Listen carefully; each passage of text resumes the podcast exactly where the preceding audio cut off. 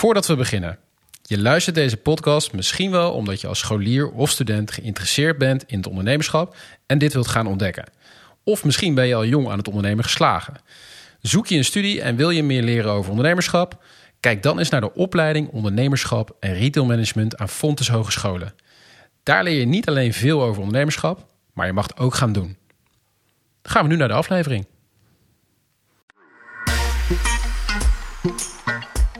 Tof dat je luistert naar De Job, oftewel de Jonge Ondernemers Podcast. Iedere aflevering interviewen we een jonge ondernemer over een concreet dilemma waar jonge ondernemers tegenaan kunnen lopen. En in deze aflevering het dilemma je prototype laten bouwen in China. Goed idee? Uh, ja en nee. Uh, uh, zoals je weet, ik heb 15 jaar geleden in China gewoond. Dus ik heb er wel wat ervaring mee. 15 jaar geleden alweer. Ja, ja zo oud ben ik al. ook wel echt negatieve ervaringen. Maar voor een prototype denk ik wel... Um, kijk, er slingeren heel veel mensen ideeën de lucht in bij bedrijven. En dat is Ja. ook, dan is een Nederlands prototype gewoon heel duur, denk ik. Dus ik denk dat daarin wel... snap ik de keuze om een prototype daar te maken. Ja. Maar ik ben benieuwd wat, wat Levi daarover te Ik vertellen ben heeft. ook heel benieuwd. Ik kom het ook vaak tegen inderdaad jonge talenten die een leuk ideetje hebben. eh, tastbaar idee. Ja, dan eh, loopt het toch al gauw in de papieren. Laten we vooral gaan luisteren naar Levi Houtappels van Trainer. Levi, welkom. Dankjewel, dankjewel. Ik ga ook bij jou eh, gelijk beginnen te vragen om jouw elevator pitch eh, erin te gooien. Yes. Nou ja, wij zijn trainer en wij ondersteunen de horeca eh, door het vergemakkelijken van het uitserveren van dranken. Dat doen we met een vernieuwend dienblad. Eh, functionaliteit wordt dan eigenlijk geboden door een draaicomponent aan de onderkant. En dat biedt eigenlijk de mogelijkheid om het dienblad volledig op de hand te draaien. Ehm, daarnaast voorzien we het eh, dienblad met een extra element. En dat zorgt er weer voor dat je met je vingers meer druk kan uitoefenen op het dienblad. Ehm, nou, dit leidt meer tot, tot meer balans. En dat leidt tot minder breuk. Dat leidt erdoor waardoor eh, personeel veel meer zelfvertrouwen krijgt. En een veel hogere efficiëntie in de horeca. Nou, dat is naar onze mening ideaal. En eh, we krijgen de feedback van horecazaken dat het, eh, dat het ook ideaal is. Ze zijn het er helemaal mee eens. Kijk, mond vol. Heel goed. Moet die korter? Duidelijk. Nee, hij was goed. Hij was goed. En met name ook omdat je, je beschrijft het product al wel aardig. Maar ik kan me ook wel voorstellen van welk beeld moeten we daar nu bij hebben. Dus Ja. ehm, hoe ziet dit eruit? Is het gewoon een normaal dienblad of ziet het er supersonisch uit? Of eh, wat, wat moet ik me voorstellen? Nee, het is, een, het is gewoon een normaal regulier dienblad. En aan de onderkant hebben we gewoon een component toegevoegd. eh, ja, wat gewoon het draaicomponent heeft. Hè. En op het draaicomponent zorgen gewoon... Ja, ze noemen het eigenlijk... Veel telefoons hebben tegenwoordig. Het is gewoon een popsocket. Ja. Telefoons hebben een popsocket. Daar kun je je vingers tussen doen. En dat zorgt ervoor dat je superveel druk uit kan oefenen op je telefoon. Ja. Eh, vooral met maken van selfies. Ja, en dat hebben we gewoon geïmplementeerd in het, eh, in het dienblad. Ja, waardoor je veel meer stabiliteit hebt en veel minder breuk veroorzaakt. Was daar ook de inspiratie vandaan gekomen? Dat je dat hebt toegepast zeg Ja. maar, op, dat, eh, op dat dienblad? Ja, ja, we hadden eerst veel moeilijkere ehm, ehm, technieken bedacht. Ja. Hoe kunnen we nou zorgen met elektronische componenten dat het altijd in evenwicht blijft? Nou, begin daar maar eens even aan. Hè. Dat is een heel, heel proces. En vandaar dat we eigenlijk hebben besloten, we moeten naar een vergemakkelijk product gaan kijken. En toen kwam inderdaad het popsocket naar boven. Hey, op die manier kun je het dienblad altijd mooi in balans houden. Ehm, Ja. En dat kwam inderdaad van telefoons en, en tablets af. Ja. Ja, super slim denk ik om juist die bestaande elementen ook te gebruiken voor jullie product. Nou, we hebben er een beetje een beeld van. We zullen ook nog wel wat beelden via de socials eh, Ja, delen. Zeker. Ehm, maar waar ik ook wel even benieuwd naar ben is, hoe, hoe is dit begonnen, dit avontuur? Ja. Ja, dat is natuurlijk eh, vanuit de opleiding gedaan. Hè. Vanuit de opleiding ga je zoeken naar eh, Welke opleiding trouwens? ondernemerschap en retailmanagement. Bij? Ja. Fontis in Eindhoven. Kijk, ja, zeker, zeker. Nou, we hebben hem compleet. Ja. Nou, dat doe je met een geheel team. Hè. We zijn met, met zes man begonnen. Eh, ieder zijn eigen functie. Directeur, financieel, sales, HR. Nou, ik heb de directeursfunctie. Ehm, en toen zijn we gewoon gaan kijken wat voor producten kunnen we nou verzinnen. En waar zit nou een heel groot pijnpunt. Hè? En meteen kwam eigenlijk de horeca naar boven. Nou, een, een heel standaard probleem is natuurlijk de eenzaamheid bij ouderen. Maar die pakt onderhand iedereen aan, eerlijk is eerlijk. dus toen zijn we gaan kijken, wat kunnen we voor de horeca betekenen? Ja. Ehm, en toen kwamen we eigenlijk al gauw uit bij ehm, ja, het, het, breukprobleem. Hoe kunnen we breuk verminderen? Nou, uiteindelijk blijkt in een rekensom dat er 7,5 milliliter breuk per jaar verloren gaat in alleen Nederland tijdens de bediening. Ja. Dus door het vallen van dienbladen gaat er gewoon 7,5 milliliter breuk verloren aan drank. Ehm, hoe kunnen we dat oplossen? Nou ja, dan ga je kijken, oké, dat ligt dus aan het dienblad. Het ligt aan het onervaren personeel. Hoe kunnen Precies. het onervaren personeel nou onderste- ondersteunen? Nou, dat doe je met een dienblad. ja. En dan komt het idee naar voren. En ook, want ik kan me wel voorstellen, de horeca, nou sowieso de horeca heeft het natuurlijk sowieso lastig, dus het is sympathiek Ja. om te kijken van hoe, hoe kunnen we het, eh, het verbeteren. Maar dit soort producten, misschien toch, ja, misschien het zijn geen high-tech producten, maar laten we zeggen low of medium-tech-achtige producten. Het is in de, in de horeca vrij nieuw, toch? Behalve misschien wat intelligente kassasystemen en bestellingsopties tegenwoordig. Klopt helemaal. Voor de rest zie je niet zo heel veel technologie ook in de horeca. Nee, nee. Want jullie hebben gesproken ook met, met de horeca. Hoe, hoe Ja. werd dat eh, ja, ontvangen? Ja, zij zagen alleen maar de positieve dingen ervan in. Kijk, eerst ga je natuurlijk kijken, zoals ik al eerder aangaf, om een dienblad te maken met van allemaal eh, elektronische elementen. Ja, dat is veel te high-tech Ja. voor een, voor een horecazaak. Dus dan wil je gaan kijken, hoe kun je het vergemakkelijken? Nou, dan doen we het gewoon met een popsocket aan de onderkant. Ja. Eh, maar je wil wel extra, eh, een extra component toevoegen. Nou, dat doen we met een draaicomponent. En dat werd hartstikke goed door de horeca ontvangen. Ze zagen alleen maar de voordelen ervan in. Ehm, dus dat heeft ons alleen maar een boost gegeven om gewoon nog extra door te gaan. Jullie Ja. dachten we gaan door. eh, waren dus met een aantal enthousiaste eh, studenten, ondernemerschap en retailmanagement. Eh, niet per se technische achtergrond, dus. Nee, totaal niet. Dus dan heb je dat idee van oké, we gaan door. Nou, het is toch een bepaald technisch product, dus een tastbaar product. Hoe realiseer je dat? Ja, ja, dat doen we met heel veel eh, technische personen. We zijn gewoon als een gek gaan zoeken naar technische personen die ons kunnen ondersteunen. Eh, uiteindelijk zijn we in contact gekomen met eh, een docent bij de Fontis in Eindhoven, maar dan universiteit. Die zijn met ons gaan kijken. Engineering, opleiding. Misschien kunnen zij iets voor ons betekenen. Ja, dus jullie zijn echt in je eigen netwerk gaan kijken. Exact. Gewoon puur bij de, bij, de, bij de faciliteiten van de hogeschool, van de universiteit. Studenten. Klopt. Slim. Ja. Ja, ja. het is alleen maar leuk als je het met andere studenten samen kan doen. Hè? Je wil eigenlijk een soort klimaat eh, creëren... waardoor je met andere studenten samen een mooi product kan ontwikkelen. Ehm, en laten we vooral eh, de, de oudere generatie misschien wat achterwege laten... en samen met, met de nieuwere generatie gewoon wat moois neerzetten. Ja, dat kan dus ook gewoon. Ook dus als je geen technische achtergrond hebt, eh, dan ga je dus praten met dat soort, eh, met dat soort jongens en meisjes. Eh, maar dat, je moet wel wat weten, toch? Ik bedoel, zij zeggen van lever maar eens een tekening aan. Of Ja. hoe, hoe gaat dat? Neem ons eens mee. Ja, ja, ja. Nee, we hebben een van onze, van onze ondernemers... die heeft een, een, vader. En zijn vader die doet, die maakt technische tekeningen. Ah, nou, dat maakt het proces natuurlijk wel Toch, ietsjes toch weer makkelijker. een oudere generatie. Ja, hebben we toch maar een beetje erin gehouden dan. ja. Ja, ja, dus die technische tekening heb je nodig. Ja, en met die technische tekening, dan ga je gewoon rondkijken van hé, hey, wat kunnen we. eh, nou, je begint, ik, ik zeg het verkeerd. Je begint eigenlijk natuurlijk met technische te- personen te praten. Van hoe moet het er nou ongeveer uitkomen Ja. zien? Nou, dan kun je deze techniek kun je gaan gebruiken. Um, uiteindelijk ga je zelf wat research doen op internet. En al die informatie die geef je door naar de vader van een van onze ondernemers. Ja. Die maakt een technische tekening. Op basis van wat ontwerpcriteria die Exact. jullie hebben getest. Exact. Ja. En dan gaat het naar productiebedrijven. Precies. En zij fine-tunen het, het, het, het- de tekening eigenlijk. Ja, jullie hebben zelf ook wat geknutseld. Dat ging daar misschien Ja. ook aan vooraf. Of, Ja. of, of daarna, weet ik niet. Hè, om ook wel echt in, in, in de praktijk dingen te kunnen testen, toch? Klopt, klopt. We zijn eerst eigenlijk met een, eh, met een normaal dienblad, een regulier dienblad, zijn we aan de slag gegaan. Hebben we eh, letterlijk gewoon een draaicomponent bij de IKEA gekocht. Zwart gespoten, zodat het dezelfde kleur heeft als het dienblad. Een popsocket aan de onderkant geplakt. En we zijn gewoon de horeca ingegaan van, wat vinden jullie er nou van? Ja, precies. Nou wederom eh, positieve reacties. Nou, en daardoor weet je, oké, dan kunnen we wel aan de slag gaan met... Ze staan hier wel voor open. Precies. En dan- slim dienblad, zeg maar. Exact, Ja. exact. En dan kun je met een, met een echt prototype aan de slag gaan. Ja. En dan komt de prototype fase. En dan, dan komen natuurlijk ook juist, hè, daar, gaat deze aflevering ook over, een stuk prototyping. En dan moet je allerlei keuzes maken. Nou, jullie eh, hebben ervoor gekozen om eh, op zoek te gaan naar een, eh, naar een prototype bouwer. Daar heb je dus allerlei verschillende keuzes in. Welke keuze Ja. hebben jullie gemaakt? We hebben de keuze gemaakt om uiteindelijk in zee te gaan met een Chinese partij. Ehm, omdat die Chinese partij ons zo goed ondersteunen en eh, zelfs de technische tekeningen opnieuw heeft gemaakt, helemaal naar, naar eigen zeggen van hoe we het beter zouden kunnen doen. Ja. Ehm, en uiteindelijk zijn we dus met een Chinese partij samen gaan werken. En hoe ben je bij de Chinese partij terechtgekomen? Hebben jullie van tevoren eh, met elkaar gesproken van... hey, eh, willen we dit door een Chinese partij laten doen? Eh, had dat misschien een... Wat, voor reden had dat? Of welk gesprek hadden jullie daarover gevoerd? Of was het gewoon een beetje ontstaan? Hoe ging dat? Nou, we zijn eerst begonnen met leveranciers in Nederland te gaan zoeken. Nou, Ja. Natuurlijk een leverancier voor de echte productie, maar ook voor het prototype. Uh, maar je krijgt heel weinig respons, moet ik gewoon eerlijk toegeven. Misschien omdat we studenten zijn, maar de respons is dermate laag... Mm. dat je uiteindelijk wel tegen een tijdsdruk aan zit. Nou, en wat ga je dan doen? Nou, dan pak je gewoon heel... Uh, wat eigenlijk elke standaard, uh, misschien salesstudent of, of student ja. in onze regio, regio doet... dan pak je gewoon Alibaba daarbij. En dan ga je gewoon zoeken naar leveranciers. Ja. Nou, en één leverancier zei, meerdere trouwens... die zeiden van, nou, wij willen het wel aangaan. We willen wel gaan kijken wat we kunnen maken. En je ging dan, je zei uh, leveranciers, hè, dus, dus ik weet er niet zo heel veel van Alibaba. Ik probeer het een beetje te vermijden, maar je komt dan, je komt dan daarop.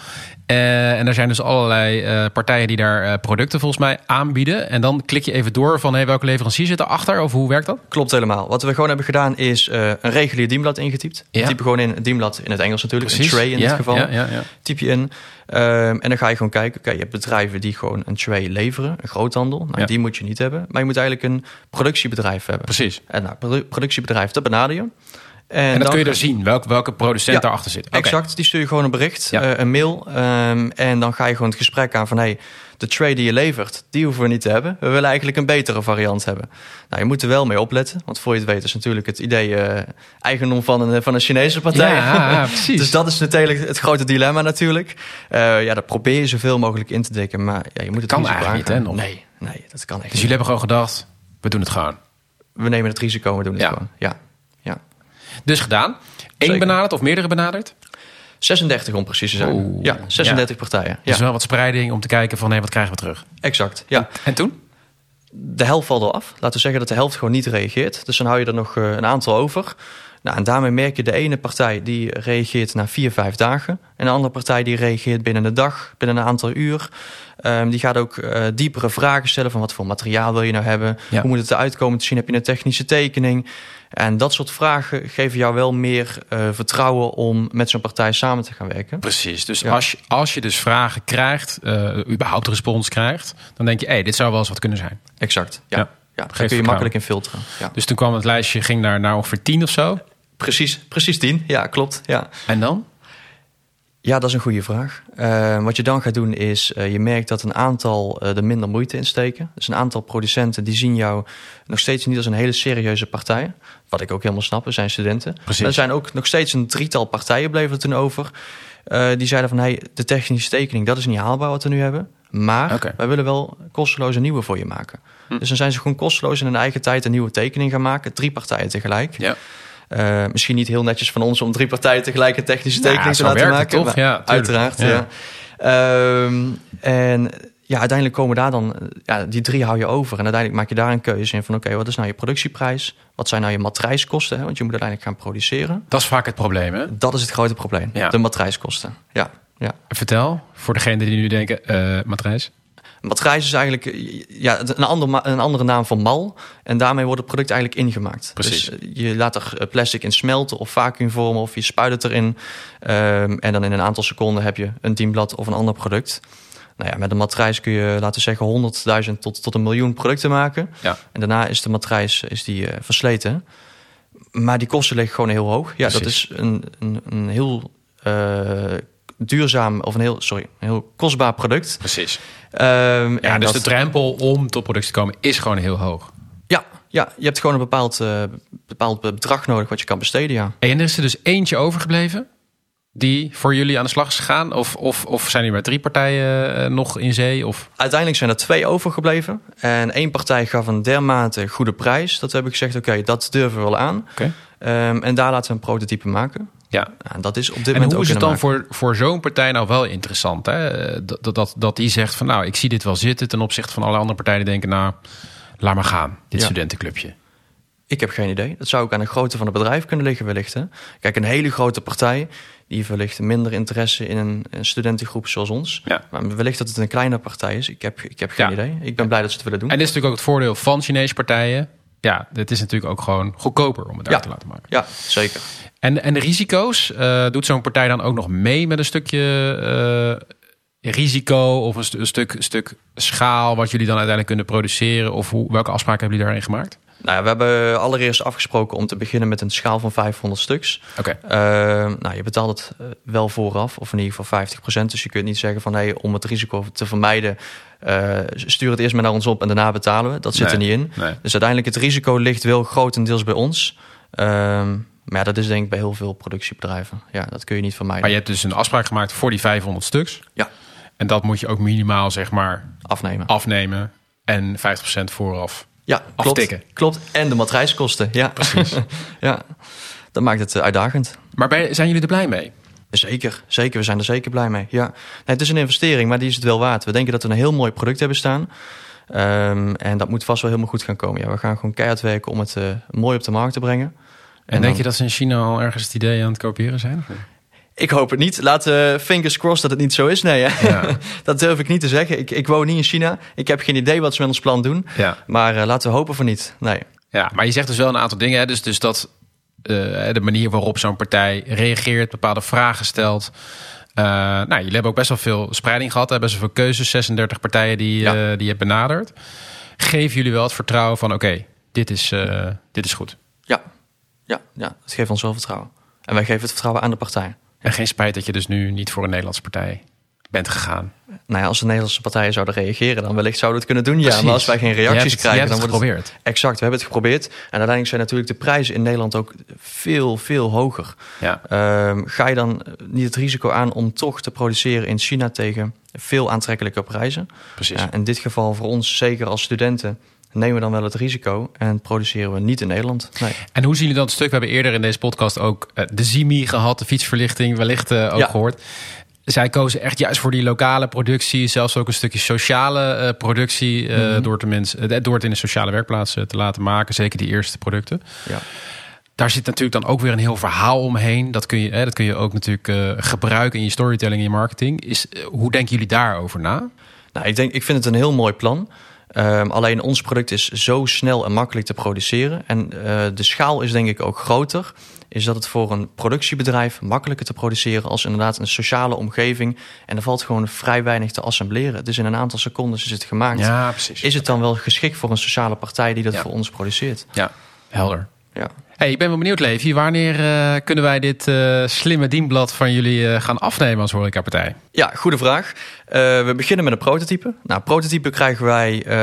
nou, we zijn nu aan het praten. In begin februari krijgen we het beginnen. Ja. krijgen we prototype binnen. Dan willen we het eigenlijk nog een keer gaan testen in de markt. Van hey, hoe bevalt het prototype? Is het naar behoren? Eh, is dat het geval? Dan hopen we gewoon snel te produceren. Maar we moeten eerlijk zijn. ehm, wij hebben wel het benodigde kapitaal nog nodig. Ja, Dus wij kunnen natuurlijk gaan produceren als we benodigde kapitaal bij elkaar hebben. precies. Ja. En dan hopen we dat we het binnen drie maanden rond hebben. Dat we Oké. over drie, vier maanden een, produ- een product hebben liggen. Dus het meest ideale geval, prototype is goed, designcriteria voldoen. Hè? Dus, dus er is niet veel meer extra nodig. Hè? Dat moet je dan gaan testen met prototype. Dat is natuurlijk het hele doel van zo'n prototype. En dan zeg je, we hebben kapitaal nodig. Hoe gaan die dat ophalen? Daar heb je vele opties voor. Ja. Kijk, we, we zijn aan het kijken naar crowdfunding. Eh. Natuurlijk krijgen we een bedrag binnen vanuit aandeelhouders zijn we aan het werven. Ja. Eh, wellicht een investeerder die, eh, die zegt van nou weet je, ik heb nog wel wat te missen. Ik, ik gun het jullie Ja. en ik investeer. Ehm, Pre-orders is een hele belangrijke. Precies. We willen echt langs de horecazaken en langs grotere partijen om te kijken, hey, kunnen we wellicht iets qua pre-ordering doen? Ja. Om toch het bedrag bij elkaar te krijgen en het product dan zo snel mogelijk te kunnen leveren. Heb je eigenlijk bijvoorbeeld, want je hebt Kickstarter echt zeg maar voor B2C, hè? dus Ja. richting consumenten. Heb je dit ook voor B2B? Dus dat de horeca kan zeggen van nou, wij kopen alvast een grote partij in. Heb je daar platformen voor? Of Zijn we, zijn we aan het uitzoeken. We hebben het nog niet kunnen vinden, maar dat staat wel op de planning om dat nog eens eh, uitgebreid te gaan onderzoeken. Ja. Ja, ja, je zijn inderdaad ook die aandeelhouders. Hè. Jullie zitten natuurlijk in de opleiding, maar ook zijn onderdeel van het programma van Jong Ondernemen. Hè, waar Ja. je dus ook iets van budget hebt om eh, wat mee te doen. Maar goed, dat is wellicht al verbrand aan jullie eh, prototype. Onder andere wel, ja. Onder andere wel, ja. Dus niet genoeg om, eh, om de productie te kunnen doen, nee. Nee, precies. Ja, dus de, echt de volgende fase. Ja. Hey, welke tips zou je jezelf geven?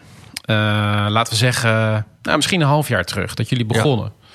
Nou, toen we begonnen, ehm, wij moeten wel wat snellere beslissingen zijn. Hè? Dus durf gewoon die stap te zetten. We hebben een leuk product staan.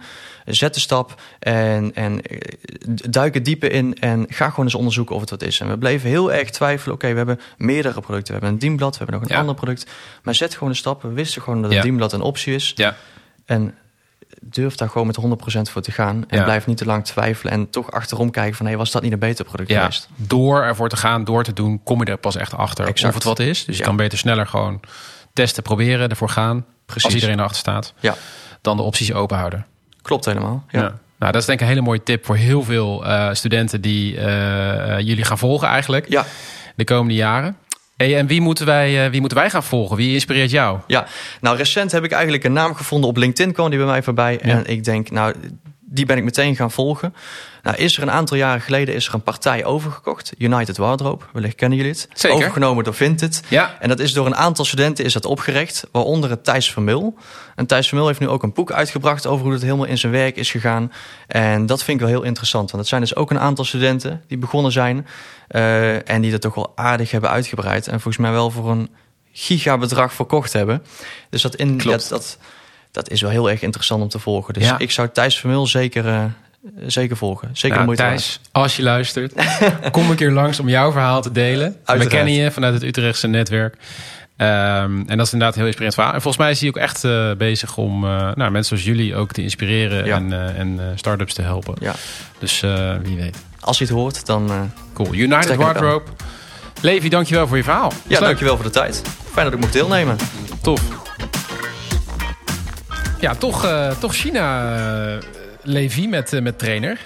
Maar jij, jij had een negatieve ervaring. Hè? Laten we daar eens even op terugkomen. Ja, kijk, ik, wat ik al eerder zei. Kijk, ik snap dat het voor een prototype goed is om naar uh, China te gaan. Ook Nederlandse leveranciers is veel duurder. Ik snap ook dat die niet reageren, omdat nou, ik denk dat er best wel veel mensen zoiets vragen. En daarna nooit meer terugkomen. Dus... En in China zijn ze daarin wat opportunistischer. Um, maar ook anders. Als ik naar mijn eigen ervaring kijk, dat is, uh, was bij een bedrijf wat um, kaarten produceerde. Van die kaarten met lichtjes geluidjes in, met Happy ja. Birthday, dat uh, verhaal. Daar hadden wij een keer, zeg maar 50.000, of misschien waren het 100.000 uh, uh, lampjes besteld. Voor 1 cent, zeg maar. Ja. Uh, op het moment dat, uh, zeg maar de dag voor levering, en wij leveren ook aan Hallmark Amerika, uh, werd er gebeld en zeiden ze ja, het gaat nu naar 3 cent. Um, omdat zij zeiden van ja, wij hebben de troef in handen, wij hebben, je moet wel. Ja. En dan hadden wij niet een plan B. Dus het enige wat je kon doen is je prijs gewoon keer drie. Ja. Uh, zodat wij op een gegeven moment dus hebben uh, de bestellingen aan hebben gepast. Dat we gewoon in kleine batches gingen bestellen die duurder werden. Maar zo uh, dat we zelf zeg maar nog de regie in handen hadden. Ja. Uh, en dat gebeurde echt aan de lopende band. Dat zij ook zeiden van ja, het is gewoon dom dat je zoveel bestelt. Uh, en dat zien zij dan al Ja, als een ja, kans ja, voor hen. Uh, dus zij zien het ook niet als verkeerd of zo. Um, Het is gewoon een spel. Ja, dat is gewoon een spel. Dat ze zeggen ja, het is toch onhandig dat je zeg maar de regie uit handen geeft. Um, dus de, dat is ook, kijk, je kan het wel daar doen, maar zorg dat je wel zeg maar zelf de lijntjes in de handen hebt. En dat je uh, niet uh, de kaarten zeg maar aan hem Ja. geeft. Ja. Want dat is gewoon het grote gevaar. Als jij je prototype daar laat bouwen uh, en je maakt niet nu al afspraken bijvoorbeeld over wat als we er honderdduizend gaan maken. Um, en dan zeggen ze op een gegeven moment dat je, als het goed gaat lopen, merken ze: hé, hey, dit is interessant, gaan ze de prijs omhoog doen. Ja. Dus- Want wat zou je nou zeggen? Want jij zei van inderdaad van misschien je prototype wel. Is het nou? Want je kan ook zeggen van ja, bij zo'n prototype is juist geef je eigenlijk ook een soort van idee weg wat nog niet in de markt staat. Is het nou? Wat is meer tricky, zeg maar? Ja, daar ben ik niet zo bang voor. Want dan krijg je hetzelfde als het verhaal van eh, je idee delen of Ja. geheim houden. Ja. Kijk, als het, kijk, kopiëren kan het altijd. Hè? Het- Als jij het hebt, ja, dat en het kan ook heel makkelijk als jij het net in de markt hebt gelegd gekopieerd worden. Ja. Ehm, tuurlijk is in, in China wordt het iets sneller gekopieerd, omdat daar allemaal eh, de regels anders zijn eh, eh, dan hier. Maar misschien is het wel zo inderdaad. Kijk, met zo'n prototype ook. Als zij, zij dat ergens... Ja, weet niet hoe dat precies gaat natuurlijk. Maar als zij dat ergens binnenkrijgen, zo'n dienblad... dan denk je, ja, wat is dit, weet je wel? Wat moet je hiermee? Terwijl als er al een soort van markt is... en ze zien een bepaalde markt... dat ze denken, ja, Ja. als het in Europa werkt... dan werkt het hier in China ook. Ja, Weet je? nee, Dus- maar dus- dat kan. Maar in Ja, eerste precies. instantie is dat. Dit, zou ze best kunnen denken: wat moeten we hiermee? Dat Ja, denk, zij denken nu gewoon prima, we gaan het maken. En ja, Maar wel belangrijk dus, en dat denk ik zou ik als tip willen meegeven. Je kan best je prototype daar laten maken en eventueel produceren kan ook wel daar. Maar zorg dat je alles goed hebt bedacht en eh, ehm, afgesproken. Zodat je niet Ja. achteraf zeg maar de dupe Ja, bent. Als ja. je er nu zegt, oké, we maken een batch van duizend. Dat is prima. Maar als zij merken, dit gaat hartstikke hard lopen. Dan zeggen ze, trouwens, grond- grip. grondstoffen zijn heel erg omhoog te prijzen. Dichttikken. Maar daar moet je dus ook wel iemand bij hebben... die daar eh, wat ervaring mee heeft. Ja, zou ik, kijk, ik vond dit best wel tricky in het verhaal. Dat hij zei, ik heb leveranciers uitgezocht op basis van vragen... die vertrouwen gaven op Ja. antwoord op Alibaba. Ja, iedereen kan een, vertrouw, een go- goed antwoord verzinnen. Ja. Maar, ja, zij- wat moet je dan? Ja, ik zou het dan toch via of een Nederlandse ambassade... of via Nederlandse handelspartners die daar zijn. Er zijn speciale bedrijven voor die Ja. je daarin helpen. Die Ja. daar sourcen. Ik, ik Ja. ken een partij waar ik ooit mee werkte. Zijn Nederlanders die daar gaan sourcen. Die gaan de fabriek checken. Precies. Die gaan met de mensen gewoon gaan checken. Klopt het? Is het ook milieuverantwoord bijvoorbeeld? Wat tegenwoordig steeds belangrijker wordt. Of is het een of andere boevenfabriek? Ja. ja, maar dat is sowieso een hele goede tip. Zeker als je gewoon echt wil gaan produceren. Ja. Kijk, ik snap wel, dit, ja, net wat Levi ook zegt, hè, studententeam, ideetje. Ja, wat Tuurlijk. doe je? Eh, je stuurt hier naar een paar prototype bouwers wat berichtjes, je krijgt niks terug. Ik vond het wel ergens ook wel een slimme. Gewoon Alibaba of uh, nou ja, een ander soort uh, type. En dan gewoon eens, op die producten eens. kijken welke, welke producent of leverancier zitten erachter. En daar gewoon eens gaan uh, vissen en wel breed uitzetten. Hè. Dus uit de 36 ja. benaderd. En dan gewoon in een trechter, ja, daar rollen dan een keer drie uit. Uh, die jou uh, serieus nemen. En, uh, en dan nee, zeker voor het prototype dus vond, vond ik het ook een goed idee. vond het wel slim. Want dan is je prototype ook niet zo duur. Dus dat is ja. prima. Maar denk wel na over de volgende stap. Want het is denk dat ik is het be best wel een logisch ja. om automatisch daar ook dan de bestelling te gaan doen. Dan denk je, daar heb ik al het prototype gemaakt. Die hebben alles liggen. Laat je um, gek maken. Misschien hebben je wel de technische tekening, hebben ze wel een patent op. Dat ze zeggen, ja. hey, wij mogen die alleen produceren. Ja. Dus denk wel goed na over uh, hoe je het aanpakt. Ja. Dat het patent wel of de tekening in jouw eigendom is. En niet van de fabriek daar. Dat als je zegt, ik ga hem ergens anders laten produceren... dat ze niet zeggen, ja, dat kan niet. Precies. En, uh, ten aanzien van die patenten en ook rooien... daar moeten we volgens mij nog echt een keer over hebben. Want daar komen ook veel vragen over. Um, en uh, denk vooral ook daarna. Want ik denk de prototype wat ze nu krijgen... nou, uh, dat, dat heb ik gezien. Maar dat, ja. dat, dat is best wel goed. Maar het is sowieso... Um, je moet altijd nog naar een volgende. Die, die eerste prototype is nooit gelijk klaar voor productie. Dus denk daar ook over na. Dat is denk ik ook een goede tip... om, om daar budget voor over te houden. En dan misschien ook te kijken van... oké, okay, als je zo'n prototype hebt dan zou je ook naar Nederlandse bouwer kunnen gaan en zeggen: hey, we zijn serieus genomen, dit is het plan. Ja. Uh, het mag naar het volgende stadium. Dat je wat meer vertrouwen hebt, misschien van investeerders of wat dan ook. En dat je ja, dan Oost-Europa, ja. um, dat net wat makkelijker bereikbaar is, dat je niet 10.000 kilometer weg zit. Ja, precies. Wat ik wel heel mooi vond, is het opportunisme. Hè? Gewoon gaan. Ja. Want er zijn genoeg mensen die die stap nooit zetten. En ik moet je zeggen, het zag er goed uit. Ja, het zag er echt goed ook uit. hele dus, mooie dingen bouwen. Uh, het was echt, uh, echt prima. Het werkt goed. Maar goed, wel een paar aanpassingen nog. En daar moet je gewoon rekening mee houden. Ja, maar dat, dat, dat, dat zul je ook hebben bij een Nederlandse partij. Ja. Dus, dus dat zal altijd zijn. Maar dus zeker niet gek.